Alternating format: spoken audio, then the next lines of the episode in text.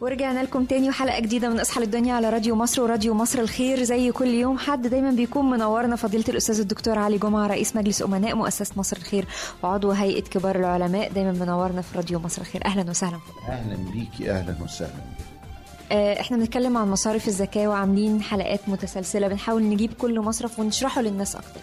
هنتكلم النهاردة إن شاء الله عن المؤلفة قلوبهم وفي الرقاب. الاتنين عايزين شرح. المؤلفة آه، قلوبهم كانوا نوع من أنواع طائفة آه، محتاجة. وهذا الاحتياج دفعها إلى أن تكون في تيار ضد تيار المجتمع. فربنا أباح لنا من خلال الزكاة إن إحنا سعيا للأمن الاجتماعي وسعيا لوحدة الصف وسعيا لوحدة الأمة من الداخل إن إحنا ندي للناس دي احتياجاتهم. الناس دي مش منافقة بمعنى إن هو يشتم المجتمع علشان لقمة العيش. وما أنا جيت له من الناحية الإنسانية. قلت له الله الله الله ده يبقى أنت محتاج. أنا بقى مش هنسى احتياجك ده. مش هقول لك أنت تافه يبقى لازم أعاقبك. ده أنا أقول لك ده أنا لازم أقف معاك. هذا الشعور الإنساني الراقي اللي بيروح للعاصي لا يريد إلا أن ينقله من المعصية إلى الطاعة. كان هو ده معنى المؤلفة قلوب بألف قلبه بألف قلبه يعني بطبطب عليه. يعني بقول له أنا هعمل لك علشان تقدر تتجاوز أزمتك النفسية اللي خلتك تمد إيديك للغير. وتكون شوكة في جنب المجتمع بتاعك. لا أنا هشيل لك الشوكة وهديك الفلوس اللي تعيشك. وخلي لسانك معانا خلي قلبك معانا خلي حالتك معانا. ف ده المؤلفة قلوب في الرقاب جه الإسلام والدنيا كلها عندها قضية الرق وفضل قضية الرق دي شغالة لغاية منتصف القرن التسعة عشر ولما جم وقرروا بعد الحرب الأمريكية بين الشمال والجنوب آه إلغاء الرق إحنا وافقنا على طول. ليه؟ لأن الشرع الإسلامي متشوف للعتق وإنه النظام ده يجب أن يلغى وأن ينتهي. وقد انتهى والحمد لله. وهنا هفكركم باللي أنا قلته لكم في حلقة قبل كده وهو أن هناك فارقا بين النص وبين فهم النص. النص أهو بيقول وفي الرقاب وفي الرقاب ما عادتش موجودة ما فيش حاجة اسمها رقاب. 1852 دخلت مصر في الاتفاقيات العالمية لإلغاء الرق وما عادش خلاص هناك رق. انتهى. حرر مين بقى؟ هو هنا بيقول لي ادفع من الزكاة عشان تحرر العبيد. فأنا ليا مفهوم معاصر عايز أطرحه على العلماء وعلى الناس. إنه لازم البند ده نوجهه إلى التعليم. ليه؟ لأني فاهم أنه كما أن هناك رق على المستوى الشخصي هناك رق على مستوى الأمم. وإن الناس دي اللي معاها النهاو أو المعرفة مسترقاني فأنا بقيت رقيق. ليه؟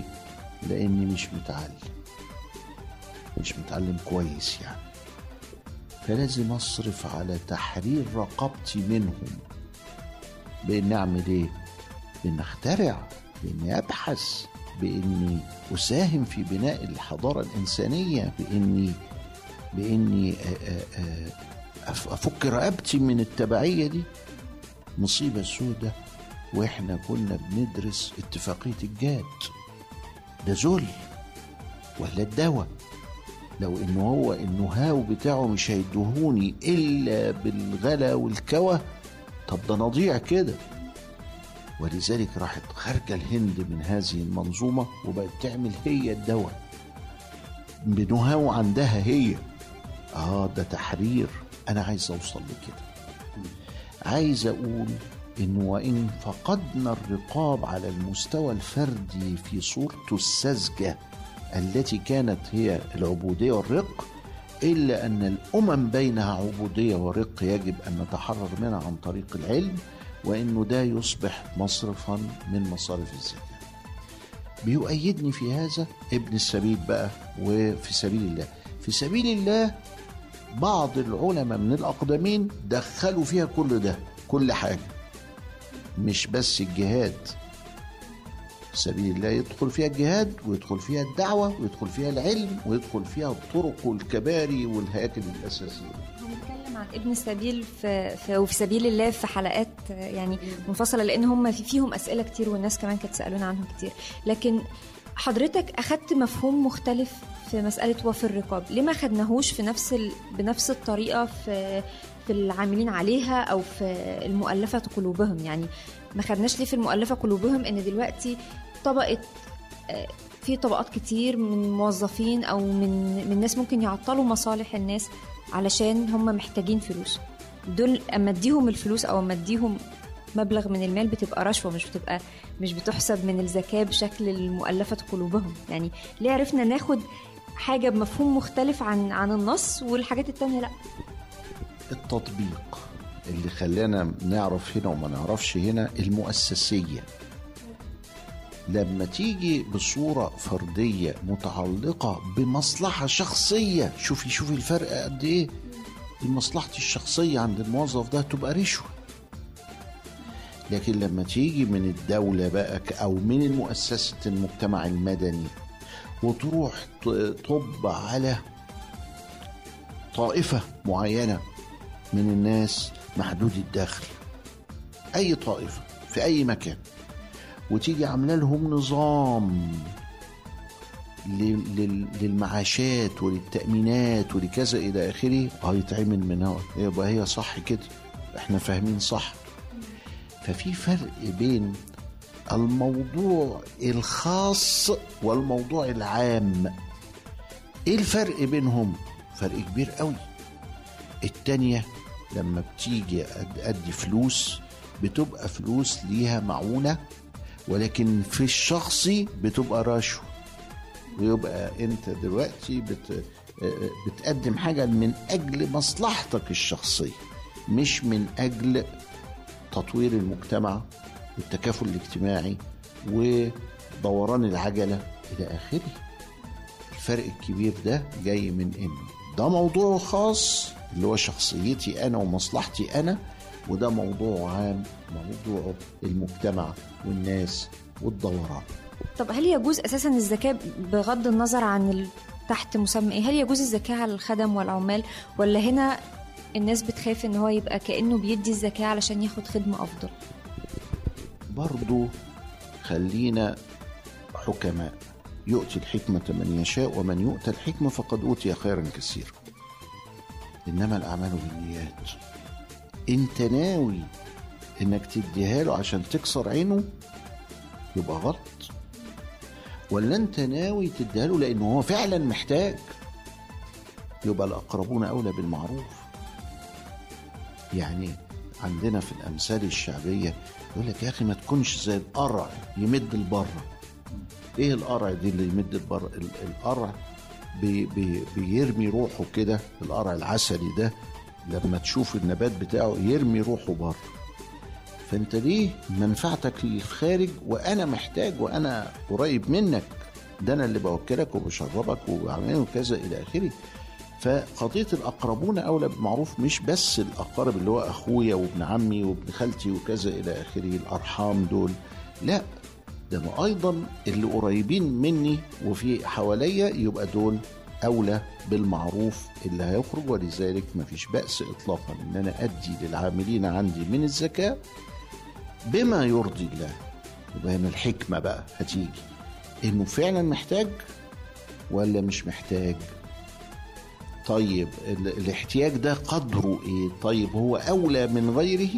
على ديون في علاج في حياة في كذا يبقى بعمل ما فيه الحكمة. إحنا لسه بنتكلم عن الزكاة ومصارف الزكاة والتفاصيل المختلفة ليها مع فضيلة الأستاذ الدكتور علي جمعة رئيس مجلس أمناء مؤسسة مصر الخير وعضو هيئة كبار العلماء.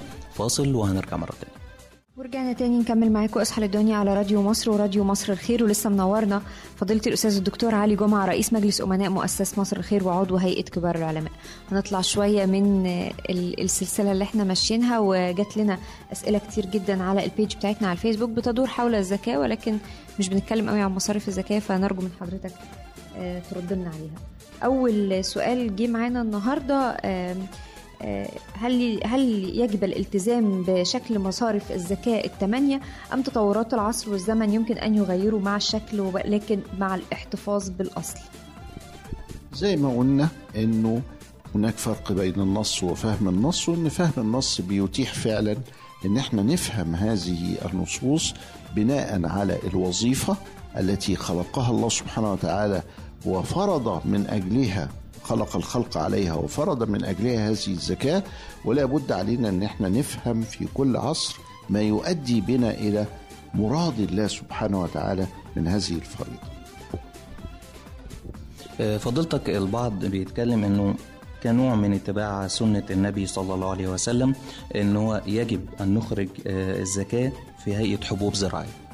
هل حضرتك يعني ردك على هو هذا الكلام هو كلام الإمام الشافعي في قضية زكاة الفطر وليس زكاة المال.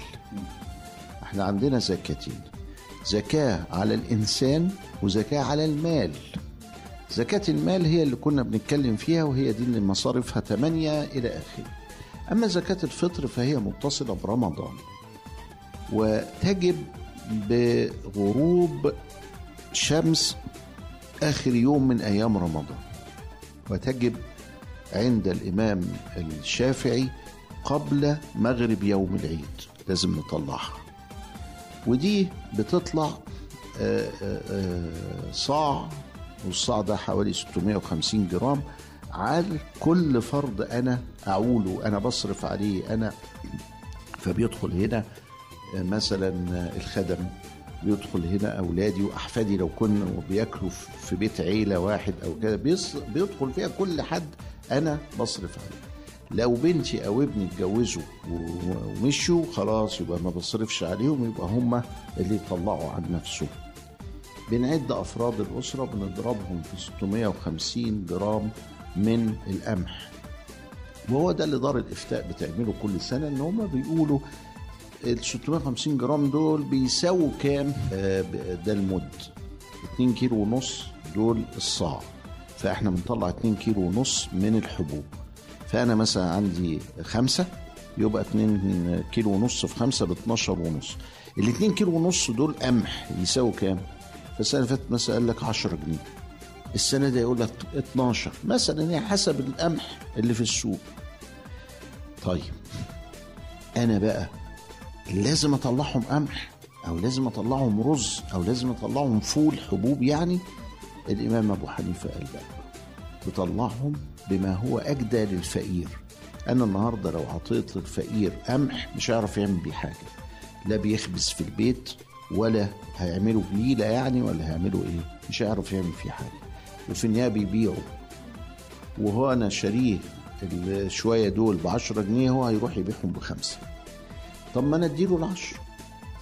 فالإمام أبو حنيفة بيقول لا نروح نديله الإيه؟ الفلوس لأنها أجدى له. قلت له طيب و بالشكل ده أنا هديله ما يغنيه. هل يجوز بقى العشرة دي أطلعها مية؟ افرض إن أنا عندي خمس أفراد. خمسة في عشرة بخمسين. أطلع بقى 500 قال ما تطلع يا أخويا 5000 طلع اللي أنت تطلعه. سبب كده إيه؟ إنه أصله الحاجة اللي أنا المقياس اللي أنا بطلع بيه يا قمح يا رز يا زبيب.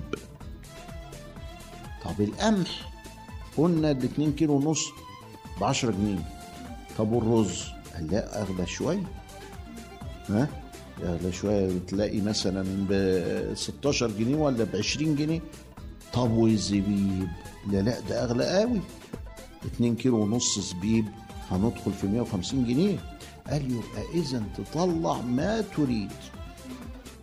يا 10 يا 20 يا جا. إنما اقلنا 10 قال لي طب أنا راجل مقتدر وغني ومعايا ملايين مملينه تسد عين الشمس. بس عايز أطلع 10 قلت له خلاص. أديت اللي عليك. أديت اللي عليك. وبالرغم من إنك أديت اللي عليك اللي أنا مش مبسوط منك. علشان أنت كان ممكن تطلع 100 جنيه عن النفر. لأنك راجل غني ومقتدر والناس عايزة ومحتاجة. لكن قال لا أنا نفسي أطلع زي الحاجة اللي اللي مكتوبة في الكتاب. قلنا له المكتوبة في الكتاب عشرة. فالعشرة دي لو عملها حتى الغني هتكفيه. ولو زود يا رب ده حاجة كويسة قوي وحاجة ندعو الناس إليها. في سؤال جالنا هل يجوز الزكاة على المال المقود؟ لو أنا أقرضت حد مبلغ من المال هل هل يعتبر المال ده مازال بتاعي ولازم عليا إن أنا أديله زكاة؟ أيوة ولازم نطلع عليه زكاة ولكن ليا فرصة إن أنا استنى لغاية ما يسددوا. لأنه أنا دلوقتي سلفتك ألف جنيه. فضلوا عندك ثلاث سنين. وردتيهم لي. يبقى طلع عليهم آه اتنين ونص اتنين ونص اتنين ونص اللي هم الثلاث سنين. بس لما أقبضهم منك. أو أطلع عليهم من دلوقتي. ال 25 جنيه بتاعتهم أطلعهم كل سنة. فانت لما هتردهولي كمان ثلاث سنين تردي لي الألف احطهم في جيبي. ليه؟ لأن أنا مطلع عليهم زكاتهم. فيبقى لينا طريقتين. طريقة إن أنا أستنى لغاية ما يتسددوا أو طريقة إن أنا أدفع بكل سنة. ودي جايزة ودي جايزة. إحنا دكتور اتشرفنا بوجود حضرتك معانا. حلقة جديدة إن شاء الله الأسبوع الجاي في اصحى الدنيا على راديو مصر. كان معانا طبعا أستاذ دكتور علي جمعة رئيس مجلس أمناء مؤسسة مصر الخير وعضو هيئة كبار العلماء